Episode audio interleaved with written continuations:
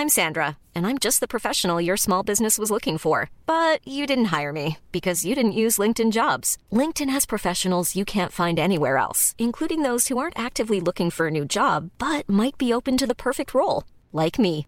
In a given month, over 70% of LinkedIn users don't visit other leading job sites. So if you're not looking on LinkedIn, you'll miss out on great candidates like Sandra. Start hiring professionals like a professional. Post your free job on linkedin.com/people today. Hey, I'm Ryan Reynolds. At Mint Mobile, we like to do the opposite of what Big Wireless does. They charge you a lot, we charge you a little. So naturally, when they announced they'd be raising their prices due to inflation, we decided to deflate our prices due to not hating you. That's right. We're cutting the price of Mint Unlimited from $30 a month to just $15 a month. Give it a try at mintmobile.com slash switch. $45 upfront for three months plus taxes and fees. Promo rate for new customers for limited time. Unlimited more than 40 gigabytes per month. Slows. Full terms at mintmobile.com.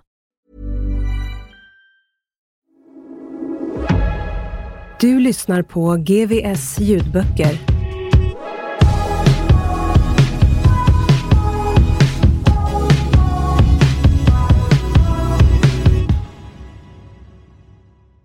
Bara ljuset kan besegra mörkret. Av Sebastian Staxet.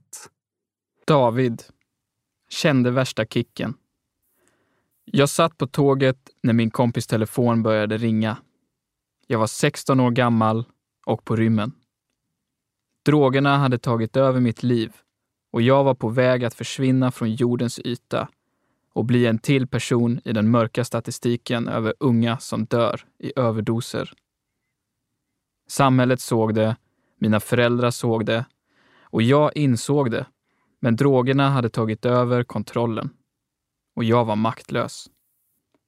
Med mitt blandmissbruk var det som om jag spelade rysk roulette dagligen. Jag levde, men oddsen var emot mig och substanserna tryckte gång på gång sin kalla, hårda mynning mot min tinning. Förr eller senare skulle det vara över. Mina föräldrar var desperata.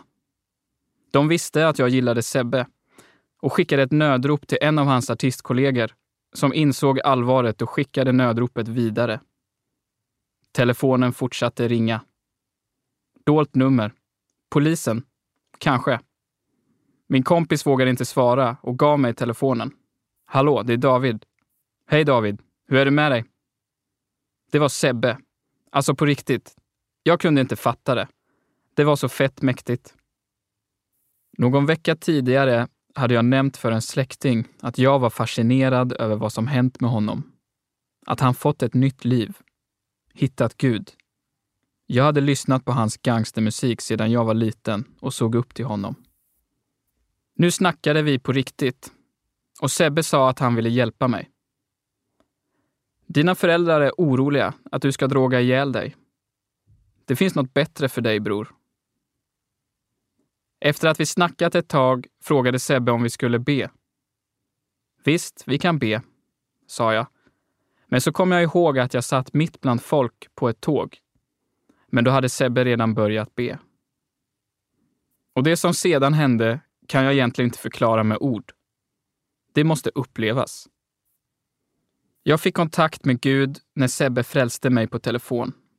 Eller rättare sagt, när Jesus frälste mig. Jag kände en sån energi. Ah! Värsta energin. Det var riktigt magiskt. Så mäktigt. Jag blev helt chockad och tänkte att Gud finns ju. På riktigt. Jag blev helt övertygad i det ögonblicket. Jag fick en energi jag inte haft tidigare. Det var en riktig kick. Jag fylldes av glädje och lycka i bröstet. Kände sinnesro. Det var en så mäktig känsla. I den stunden bestämde jag mig för att sluta med droger och all skit och komma hem. Från och med den stunden vet jag att Gud har varit med mig. Jag satte ett kors runt halsen och bar det med stolthet. Och jag började be till Gud. En kort tid efter mitt livs möte med Jesus träffade jag en vän och jag kunde inte låta bli att berätta vad jag varit med om. Min kompis kallade min upplevelse för skitsnack och tryckte ner mig. Snart var jag hög, eller egentligen nere i skiten igen. Men jag visste att den mäktiga upplevelsen jag varit med om var äkta och att Gud finns. Jag visste att han var med mig. Jag hade varit långt ifrån Gud, men en relation med honom hade startat. Jag drogade på, hamnade på HVB-hem igen. Ute i frihet skaffade jag en hund. Buddy var en hund som räddats av hundar utan hem i Irland. Han var som ett budskap direkt från Gud. Precis som hunden var maktlös saknade jag kraft att förändra mitt liv utan hjälp. Jag kunde inte hantera mitt missbruk. Det enda jag tänkte på var droger. Jag tror att Gud visar sig väldigt ofta för många. Men man tänker kanske att de gånger han gör det är det bara ödet eller slumpen. Men Buddy var Guds sätt att tala till mig. Det var mäktigt. Jag fortsatte på HVB-hem, rymde, hamnade på ett annat HVB-hem, rymde igen. Så kom jag till ett SIS-hem, dit svåra fall kommer eftersom jag rymde så ofta och använde så mycket droger. Man pratar mycket om Gud på tolvstegsprogrammet och jag började få bättre kontakt med Gud igen. På kvällarna började jag be. Jag tackade Gud för att han gett mig en ny chans i livet. En chans till ett drogfritt liv. Tackade för att jag fått en bra relation med min familj igen. Relationen till Gud växte. Jag fick en bibel av min pappa när han var på besök och jag började läsa Nya testamentet. En dag frågade min bildlärare om det fanns någon artist jag ville skulle komma på besök. Jag behövde inte tänka ens en halv sekund. Sebbe. Någon vecka senare kom han och det var som om Gud kom med honom. Det var riktigt mäktigt. När Sebbe kom in på vår avdelning och hälsade på oss frågade jag om han mindes mig. Det var mig du snackade med på tåget, sa jag. Va? Är det du? Sebbe förklarade hur han verkligen kämpat för att få tag på mig. Det blev ett starkt möte och jag fick också prata med pastorn som var med Sebbe. Jag fick råden att be högt när jag ber, även om det kan kännas konstigt i början, och att läsa Nya testamentet. I slutet bad de och la händerna på mig. Och det är svårt att beskriva med ord. Tänk dig ren lycka bara. Det var som värsta kicken. Det bara flödade energi. Folk borde verkligen försöka få kontakt. Gud kommer att visa sig för dem. På något sätt. Gud visar sig många gånger. Om man bara tänker efter. Nu läser jag Bibeln så ofta jag kan och ber. Jag har inget sug efter droger längre. Det försvann när Sebbe var här. Jag har inte rökt någon cigg. Inte tagit någon snus. Ingenting alltså. Jag har till och med slutat missbruka kaffe som jag hade börjat med. Allt är borta och jag mår bra. Jag är nöjd med mitt liv. Vissa dagar är lite sega, visst. Men jag har inget att klaga på. Jag mår bra. Det är riktigt mäktigt. Sist av allt vill jag tacka Sebbe för att han hjälpte mig få kontakt med Gud. Jag är jättetacksam. Om han inte ringt upp mig kanske jag inte hade levt idag. Ärligt alltså. Mitt liv hade så lätt kunnat sluta med en överdos. Och hade jag inte dött av droger hade jag dött av att jag hamnat i andra problem. För det gjorde jag ofta. Men nu är jag fri. Att jag har fyra månader kvar bakom lås och bom spelar ingen roll. Jag är fri. Det är jag evigt tacksam för. Jag är också tacksam för att jag kan få dela med mig av min berättelse i den här boken. Jag vill verkligen att fler ska få hitta Gud som jag gjort. Gud älskar oss. Det är mäktigt. Hitta inget annat ord än mäktigt.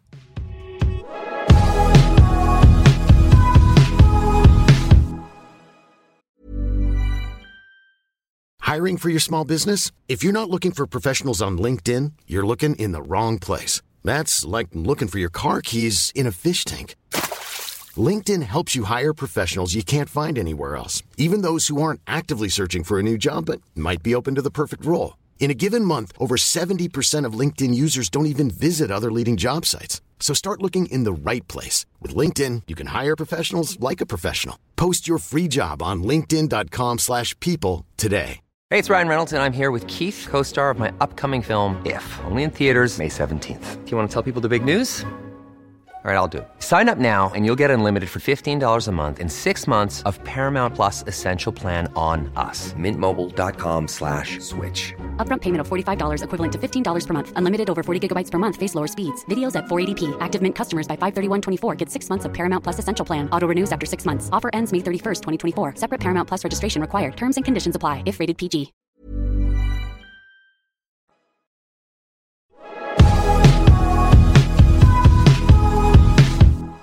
Kapitel 22 Motståndsrörelsens DNA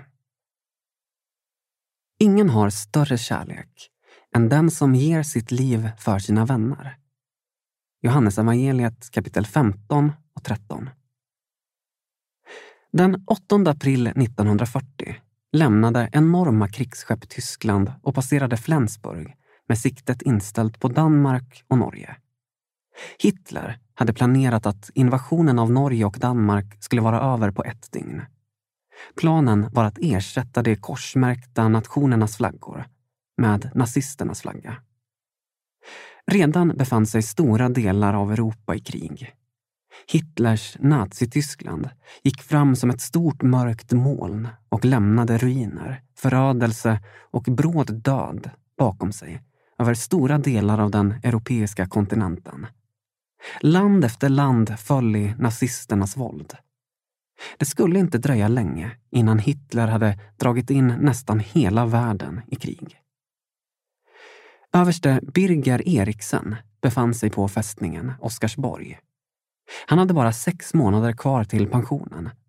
Bakom sig hade han en lång karriär som militär. Under sina 65 år hade han hunnit med mycket och sett mycket. Han älskade sitt land Norge. Likt de flesta yrkesmilitärer i landet vid den här tiden såg han med oro på utvecklingen i Europa. En kollektiv känsla fanns att regeringen inte riktigt tog situationen på allvar. Oscarsborg är en fästning vid Dröbackssundet i Oslofjorden i Norge. En strategiskt viktig försvarsutpost. Vid en eventuell invasion av Oslo behöver krigsskepp passera fästningen för att komma in i Oslo. Natten sänkte sig över den lilla fästningen. Det blev den 9 april 1940. Dagen som för alltid skulle skrivas in i historieböckerna om kriget. Fästningens huvudartilleri bestod av tre stycken 28 centimeters kanoner. Ironiskt nog tillverkade i Tyskland 1892. Det var inte direkt toppmoderna kanoner. Men det bar en profetisk hälsning från Gud till Norge. När kanonerna skulle landsättas tappades de nästan i havet. Men man lyckades rädda dem från vassen i sista stund. Då döptes kanonerna om till Moses och Aron. Birger hade 25 utbildade vapenkunniga soldater under sig den natten. Det räckte för att bemanna en av kanonerna. När larmet gick att tyska krigsskepp närmade sig visste officeren Eriksen att det var allvar. Han lät kalla in reserven att bemanna den andra kanonen. Reserven bestod av de som skalade potatis, lagade mat, städade och tvättade. Det var norrmän och det räckte som kvalificering för Eriksen. En stor mörk skugga svepte in över fjorden. Den första som såg den var en norsk kustbevakningsbåt. Den sköt ett varningsskott och sen ett skarpt skott. Det tyska krigsmonstret svarade snabbt. Kustbevakningsbåten genomträngdes av kulor och en norsk officer förlorade livet. Sen upptäcktes tyskarna av en norsk försvarsutpost som låg längre ut i fjorden. Men tyskarna försvann i den tjocka dimman och norrmännen sköt i blindo utan att träffa. Flera enorma fartyg fulla av fiender passerade de små husen längs fjorden. Fiskarfamiljerna som bodde i området såg med skräck på vad som höll på att hända. Ockupationen var ett faktum. Danmark föll på ett dygn som planerat. Nu var det Norges tur. Men Moses och Aron stod klara för strid. De 48 år gamla kanonerna riktades mot det okända mörkret. Birger Eriksen hade inte fått några klara order från sin regering. Men han visste att det var fiender som närmade sig. I mörkret hörde han plötsligt det dova ljudet av det väldiga monotona maskineriet som bullrade när båten rörde sig framåt. Mörkrets makter reste sig upp mot honom. Tusentals beväpnade och topptränade tyska soldater närmade sig. Men Birger Eriksen var fast besluten att kämpa för sitt älskade Norge. Han tvekade inte en sekund att offra sitt eget liv för sina landsmäns frihet. Kryssaren Blücher uppenbarade sig plötsligt från skuggorna. 205 meter lång, 21 meter bred och 18 000 ton tung. Bestyckad med toppmoderna kanoner och torpeder och med världens mest fruktade krigshär ombord. Som mördat sin väg genom stora delar av Europa. Birger Eriksen med sin lilla besättning stod plötsligt öga mot öga med världens farligaste militära supermakt. Han tog på sig det fulla ansvaret. Han klättrade upp och ställde sig på en plats där alla kunde se honom.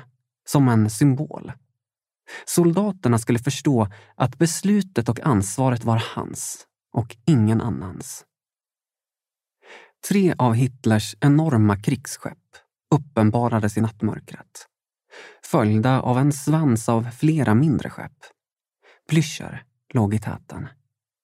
Eriksen väntade tills de kom nära. Riktigt nära. De hade inte råd att missa. David mot Goliat. De unga norrmännen såg på den enorma fienden. Sen såg de på sin kommendant. De var självklart rädda, men de skulle inte låta fruktan styra dem denna ödesdigra natt. Nationens öde stod på spel. Sen skrek Birger Eriksen från djupet av sitt hjärta. Eld! Natten lystes upp av eld. Båda kanonerna träffade. Fullträff. Första kanonkulan tog i tornet. Elledningscentralen slogs ut.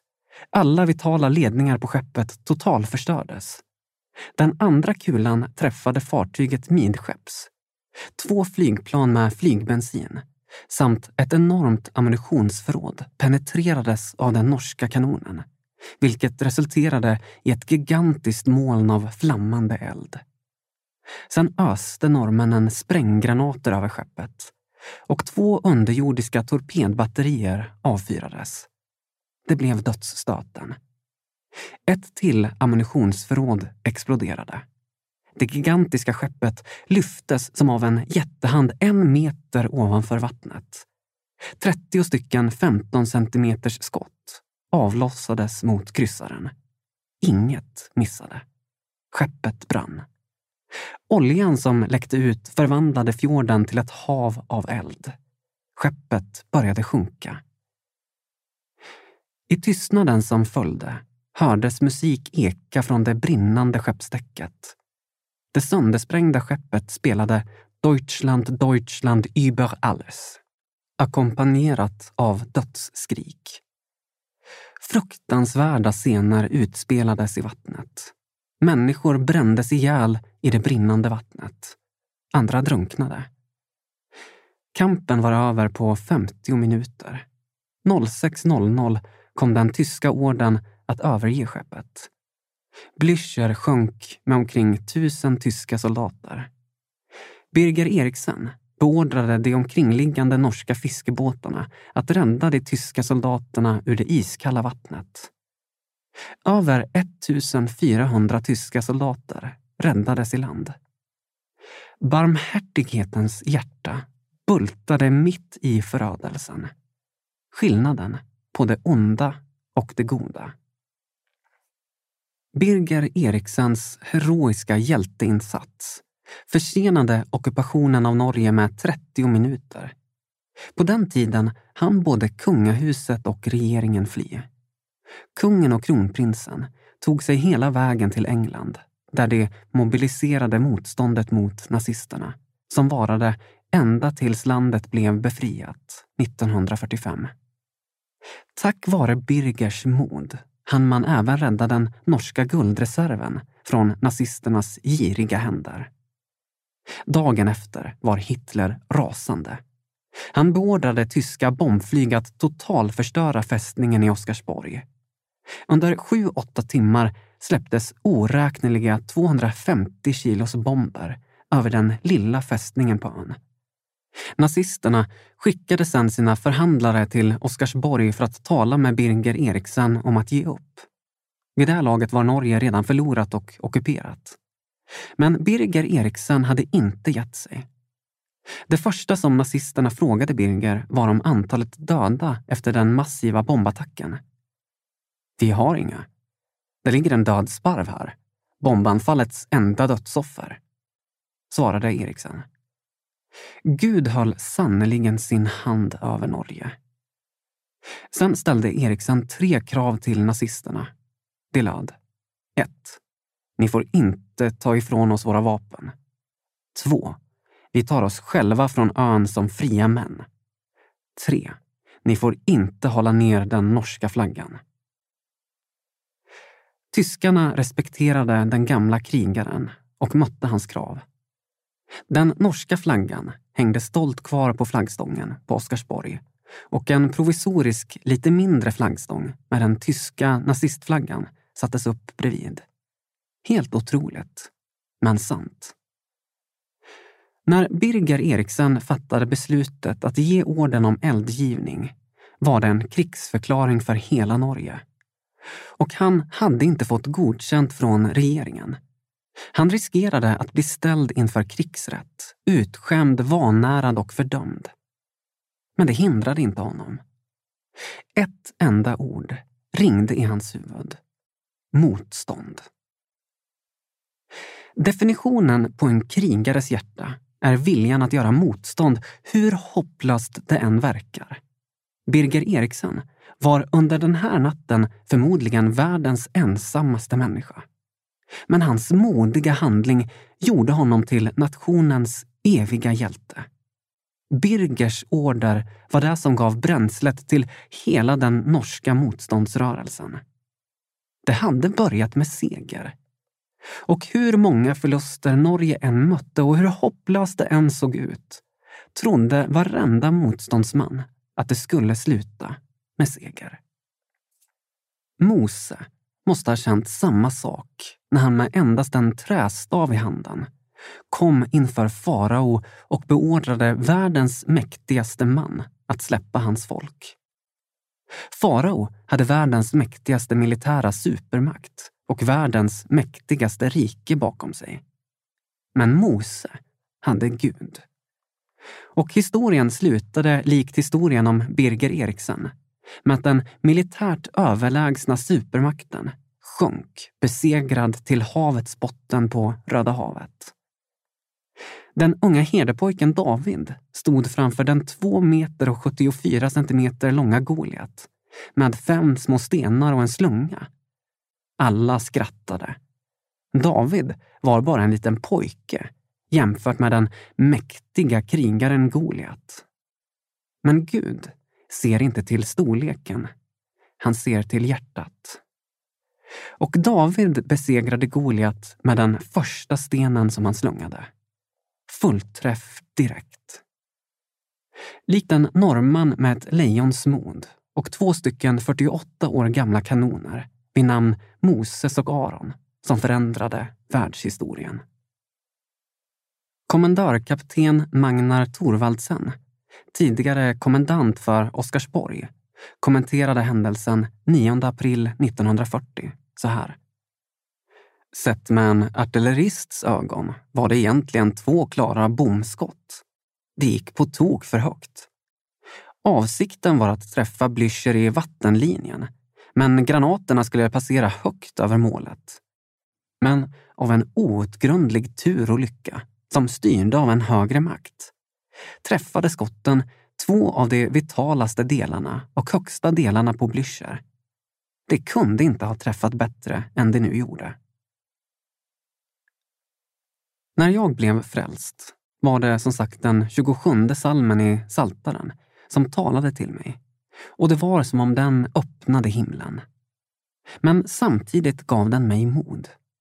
Kung Davids ord stärkte mig i beslutet att börja göra motstånd mot djävulen och att utmana hela hans armé.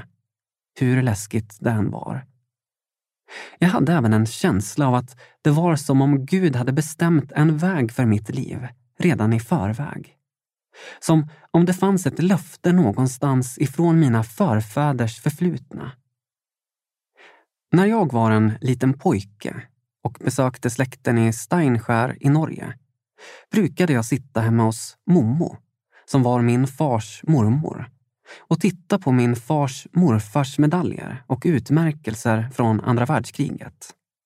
Jag var djupt imponerad. Han hade varit en modig man. Harald Torp föddes den 14 augusti 1904. Jag tog emot Jesus 14 augusti 109 år senare. Han drev en privat handelsskola från 1931 till 76. När kriget bröt ut i Norge var han officer i den norska armén. När ockupationen genomfördes och Norge officiellt fick erkänna sig besegrat bildades den hemliga militärorganisationen och den väpnade motståndsrörelsen Milorg. Medlemmarna i Milorg riskerade sina liv och krigade mot nästan till omöjliga odds. Men de genomförde några av andra världskrigets mest heroiska insatser. Några få norrmän sprängde den hårt bevakade tungvattenfabriken i Rjukan och förhindrade därmed Hitler att få sina händer på kärnvapen. Man kan bara föreställa sig vad som hade hänt om Hitler fått sina atombomber. Motståndsmännen samarbetade med de allierade och sprängde Hitlers aluminiumfabrik. Milorg organiserade starkt motstånd mot de 350 000 tyska soldaterna som befann sig i Norge. Det genomfördes sabotageaktioner så gott som varje dag. Det var högst upp på nazisternas hatlista. De torterades och mördades när de togs till fånga. En morgon 1943 omringade tyska specialsoldater med maskingevär Haralds hus. Det fanns ingenstans att fly. Gården var omringad. Han kramade barnen och sin fru och sa farväl. Sen blev den norska motståndsmannen gripen. Harald Torp greps för att han var officer i den norska armén. Hade nazisterna känt till att han även var medlem i Milorg hade han blivit avrättad direkt. Till familjens stora tacksamhet lyckades den informationen hemlighållas för fienden. Han blev förd till det enorma tyska trupptransportfartyget Donau.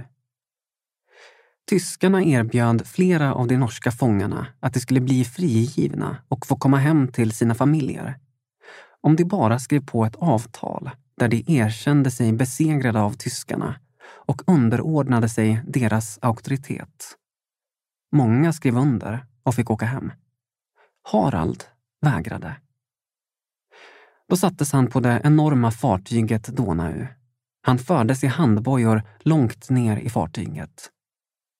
Där fick han somna till det dova ljudet av det enorma monotona maskineriet som mullrade på sin väg framåt. Samma ljud som Birger Eriksen hade hört. Med sig hade Harald sin bibel och sin dröm om ett befriat Norge. Det fruktade skeppet Donau styrde kursen mot Polen. Männen i båten visste inte vad som väntade. Men de visste att det skulle bli svårt. Men hur svårt anade nog ingen av dem. Donau dånade vidare över Nordsjön. Harald måste ha känt sig som Jona som var fångad i fiskens buk. Med tyska nazister som höll honom fångad i djupet av det mörka stålet. Donau var beryktat över hela världen. Vad han inte visste då var att två år senare skulle en grupp motståndsmän från Milorg, ledda av Max Manus, ta sig hela vägen in i Oslos hårt bevakade hamn, förklädda till varvsmekaniker.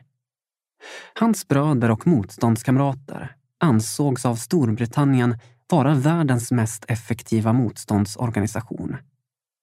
Det tog sig hela vägen in till hjärtat av Tysklands marina operation i Oslo och placerade ut minor över hela Donau. På minorna hade de ristat in namnen på sina avlidna bröder. Motståndsmännen som tyskarna torterat och dödat. Sen sprängde de Donau i luften och sänkte den i Oslos hamn, långt in bakom fiendernas linjer. Harald Torp var en motståndsman. Han var medlem i Milorg mellan 1941 till 45. Och han tillfångatogs 1943 och fördes över böljande hav hela vägen till det beryktade tyska fånglägret i den ockuperade polska staden Poznan. Där hölls han fångad av fienden och fick se fruktansvärda saker ingen människa ska behöva se. Min fars morfar tilldelades kung Håkons deltagarmedalj och kronprins Olavs nål och diplom för sin krigsinsats. Den 15 mars 1979 blev Harald Torp tilldelad kungens förtjänstmedalje i guld. En vecka efter avled han, 74 år gammal. När jag som barn såg på bilden av min fars morfar och medaljerna fylldes jag av beundran för denne motståndsman. Efter mina år i djupt mörker och kriminalitet kände jag ofta som om jag vanärat min släkt. Så när min fars kusin Ingebjörg, ringde och sa att hon ville komma till Sverige och träffa mig bultade mitt hjärta av förväntan. Hon var Haralds barnbarn. Jag längtade efter att få upprätta den trasiga relationen jag haft med min släkt. En brinnande längtan efter att göra motstånd mot mörkret i världen hade tänts även i mitt hjärta. Vi satte oss på en bänk och hon såg mig djupt i ögonen. Jag har något att berätta för dig, Sebastian, sa hon. När min morfar satt i fångläger hade han en bibel med sig i fångenskap. Och i den bibeln finns det nästan ingenting inringat eller understruket i hela boken. Förutom på en enda sida. Saltaren 27. Samma bibelord som betydde så mycket för mig när jag just hade hamnat på Hattens behandlingshem efter att jag varit på väg att ta livet av mig. Samma bibelord som ledde mig till frihet efter tre svåra år i fångenskap. Utan det var därför att Herren älskade er och höll den ed som han hade gett era fäder, som Herren förde er ut med stark hand och befriade dig ur träldomshuset, ur den egyptiske kungens hand, ur faraos hand. Femte Moseboken, kapitel 7, 8. Boken kan du lyssna på i sin helhet utan reklam på Storytel. Even when we're on a budget we still deserve nice things. Quince is a place to scoop up stunning high-end goods for 50 to 80% less than similar brands. They have buttery soft cashmere sweaters starting at $50, luxurious Italian leather bags, and so much more. Plus, Quince only works with factories that use safe, ethical, and responsible manufacturing. Get the high-end goods you'll love without the high price tag with Quince. Go to quince.com/style for free shipping and 365 day returns.